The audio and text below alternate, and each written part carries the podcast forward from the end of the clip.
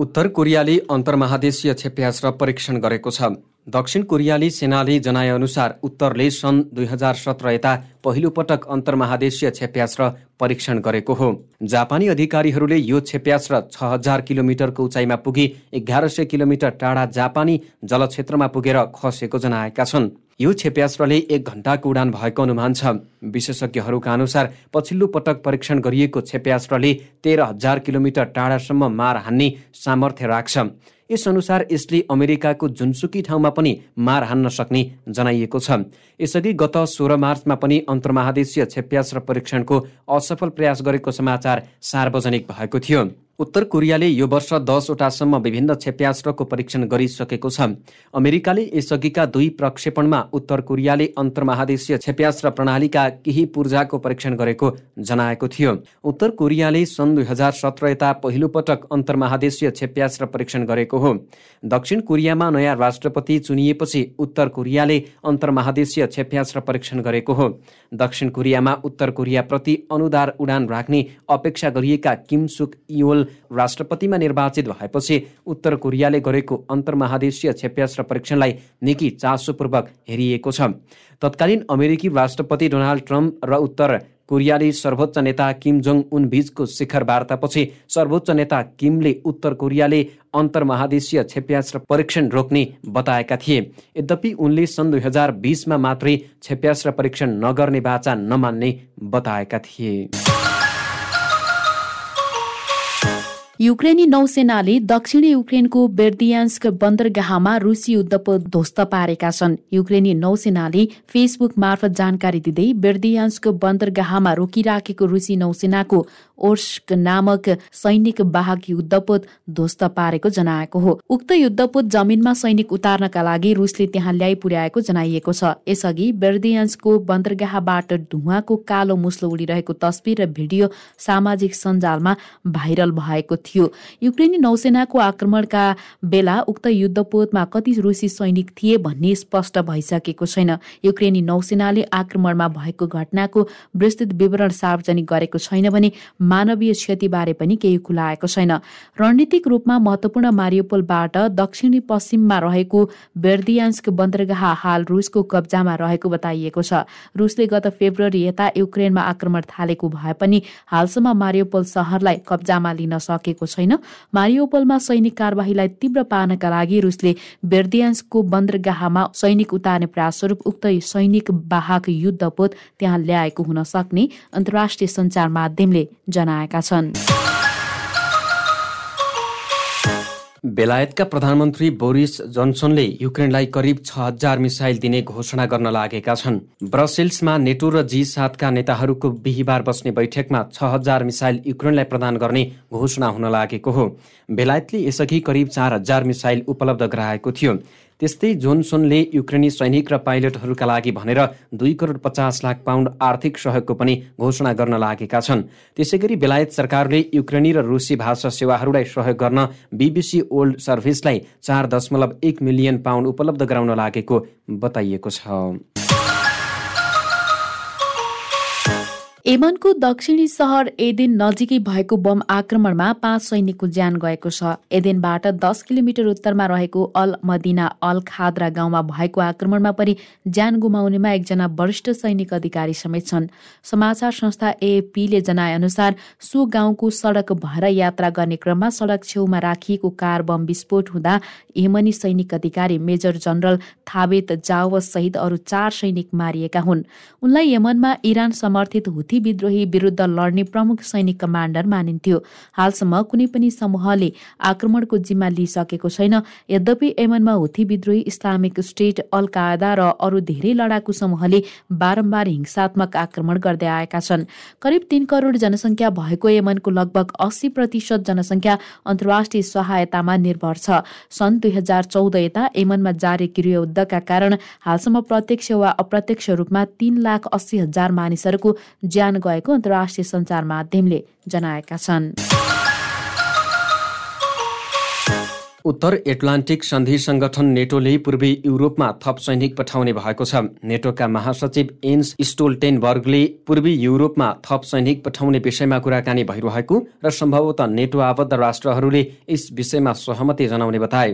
नेटोको आसन्न सम्मेलनको पूर्व सन्ध्यामा ब्रसेल्समा आयोजित एक पत्रकार सम्मेलनमा स्टोल्टेनबर्गको यस्तो भनाइ आएको हो।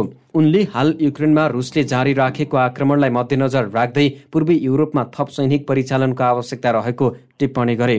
सम्मेलनमा बोल्दै स्टोल्टेनबर्गले भने मलाई लाग्छ अहिले पूर्वी युरोपमा थप सैनिक आवश्यकता छ। यो योजनालाई हामीले प्रस्तुत गर्नेछौँ र नेटो आबद्ध राष्ट्रहरूले यसलाई समर्थन गर्नेछन्। यद्यपि रुससँग प्रत्यक्ष लडाईँमा संलग्न हुने नेटोको कुनै चाहना नरहेको उनले स्पष्ट पारे। उत्तर एटलान्टिक सन्धि संगठन नेटोको आपतकालीन बैठकमा सहभागी हुन अमेरिकी राष्ट्रपति जो बाइडेन बेल्जियमको राजधानी ब्रसल्स पुगेका छन्। रुसले युक्रेनमाथि आक्रमण गरेपछि नेटोको बैठक बस्न लागेको हो। बैठकले पूर्वी युरोपका देशहरूको सुरक्षाका लागि थप सैनिक परिचालन गर्न सक्ने बीबीसीले जनाएको छ। यसैबीच राष्ट्रपति बाइडेन जी सेभेन बैठकमा पनि सहभागी हुने जनाइएको छ। बैठकले रुस विरुद्ध घोषणा गरिएका प्रतिबन्धहरूको कार्यान्वयनबारे थप निर्णय गर्न सक्ने जनाइएको छ। बैठकले रुसमाथि थप नाकाबन्दी लगाउनुका साथै रुसका नेताहरू पुटिन निकट व्यापारीहरू तथा रुसी संस्थाहरूमाथि थप प्रतिबन्ध घोषणा गर्ने जनाइएको छ। युक्रेनी राष्ट्रपति भ्लोदिमिर जेलेन्स्कीले सडकमा उत्रिएर युक्रेनप्रति समर्थन जनाउन संसारभरका नागरिकमा अपिल गरेका छन्। रुसले युक्रेनमाथि आक्रमण गरेको एक महिना पुगेको दिनमा सम्बोधन गर्दै राष्ट्रपति जेलेन्स्कीले संसारभरबाट बिहिबार सडकमा उत्रिएर युक्रेनप्रति समर्थन जनाउन आग्रह गरेका हुन्। उनले मार्च चौबिसमा युद्ध रोक्न चाहने संसारभरका सबै नागरिक एकत्रित भएर रुसको निर्मम र मुढी बललाई रोक्नुपर्ने बताए।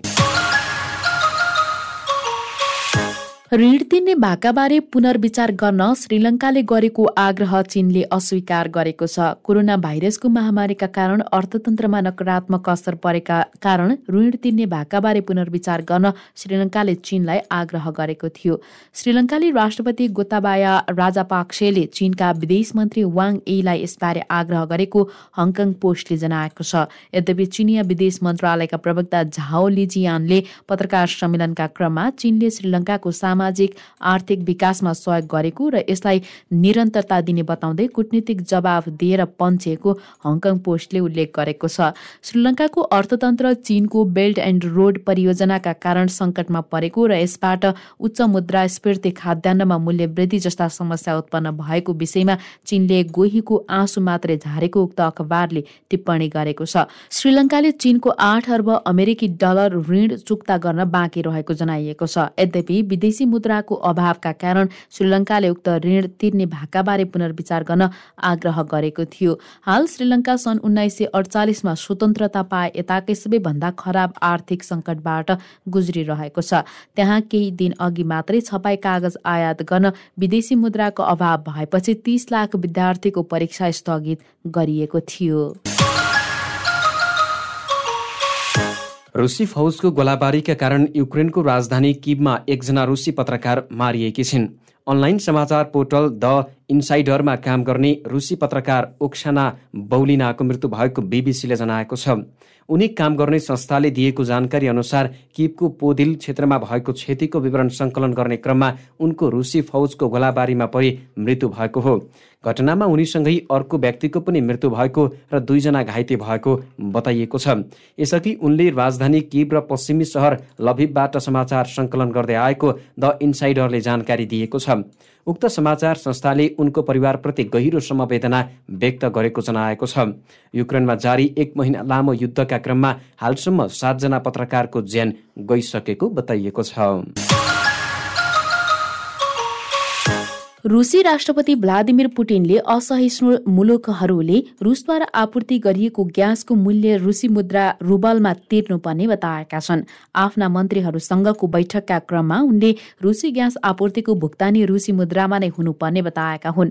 हामी यसअघि निर्धारित सम्झौता अनुसारको आयतन र मूल्यमा निरन्तर ग्यास आपूर्ति गर्नेछौ। उनले भने भुक्तानीको मुद्रामा मात्रै यो परिवर्तन लागू हुनेछ जुन चाहिँ रुसी मुद्रामा परिवर्तन गरिनेछ। पुटिनको ग्यासको भुक्तानी युवानी मुद्रामा परिवर्तनका लागि एक साताको म्याद निर्धारण गरेको जनाइएको छ। फेब्रुअरी चौबिसमा रुसले युक्रेनमाथि आक्रमण गरेको दण्ड स्वरूप पश्चिमा मुलुकले रुसमाथि नाकाबन्दी लगाएपछि त्यहाँको अर्थतन्त्र ओह्रालो लागिरहेको र रुसी मुद्राको मूल्य पनि घटिरहेका बेला पुटिनको यस्तो भनाइ आएको हो। रुसी अर्थतन्त्रका विभिन्न क्षेत्रमाथि प्रतिबन्ध लगाए पनि युरोपेली मुलुकहरू रुसी ऊर्जामाथि प्रतिबन्ध लगाउने विषयमा भने एकमत छैनन्। युरोपको कुल खपतको चालिस प्रतिशत ग्यास रुसबाट आपूर्ति हुने बताइन्छ। यद्यपि युरोपसँगको ग्यास व्यापार सम्झौतामा रुससँग यस्तो किसिमको एकपक्षीय परिवर्तन गर्ने क्षमता रहे नरहेको स्पष्ट हुन नसकेको समाचार संस्था रोयटर्सले जनाएको छ। र चिनिया विदेश मन्त्री वाङ यी एकाएक अफगानिस्तान पुगेका छन्। इस्लामिक मुलुकहरूको समूह अर्गनाइजेसन अफ इस्लामिकको अपरेसनको सम्मेलनमा भाग लिन पाकिस्तान गएका उनी पूर्व घोषणा बेगर नै एकाएक अफगानिस्तानको राजधानी काबुल पुगेका हुन्। दक्षिण एसियाली मुलुकहरूको भ्रमणमा निस्केका उनको पाकिस्तानपछि भारतको राजधानी नयाँ दिल्ली पुग्ने कार्यक्रम थियो। दिल्ली भ्रमण सकेर उनी नेपाल आउने बताइएको थियो। यद्यपि उनले पाकिस्तानमा रहँदा जम्मू कश्मीरका विषयमा विवादित बयान दिएको भन्दै भारतले आलोचना गरेपछि उनी एकाएक काबुल पुगेका हुन्। यस भ्रमणलाई गत वर्षको अगस्त महिनामा इस्लामिक लडाकु तालिबानले सत्ता कब्जा गरे यता चिनिया पक्षबाट अफगानिस्तानमा भएको उच्चस्तरीय भ्रमण रहेको बताइएको छ। पाकिस्तानमा रहँदा उनले जम्मू कश्मीरबारे विवादित बयान दिएका थिए। इस्लामिक मुलुकहरूको सम्मेलनमा उनले कश्मीरको मामिलामा चीन इस्लामिक मुलुकहरूको साथ रहेको टिप्पणी गरेका थिए। उनको टिप्पणीप्रति भारतले कडा प्रतिक्रिया जनाएको थियो। जम्मू कश्मीरको विषय भारतको आन्तरिक मामिला भन्दै चीनलाई यसबारे टिप्पणी गर्ने अधिकार नरहेको जनाएको थियो। वाङ इली भारतको पनि भ्रमण गर्ने जनाए पनि यसबारे चिनिया र भारतीय पक्षबाट कुनै आधिकारिक जानकारी सार्वजनिक भइसकेको छैन।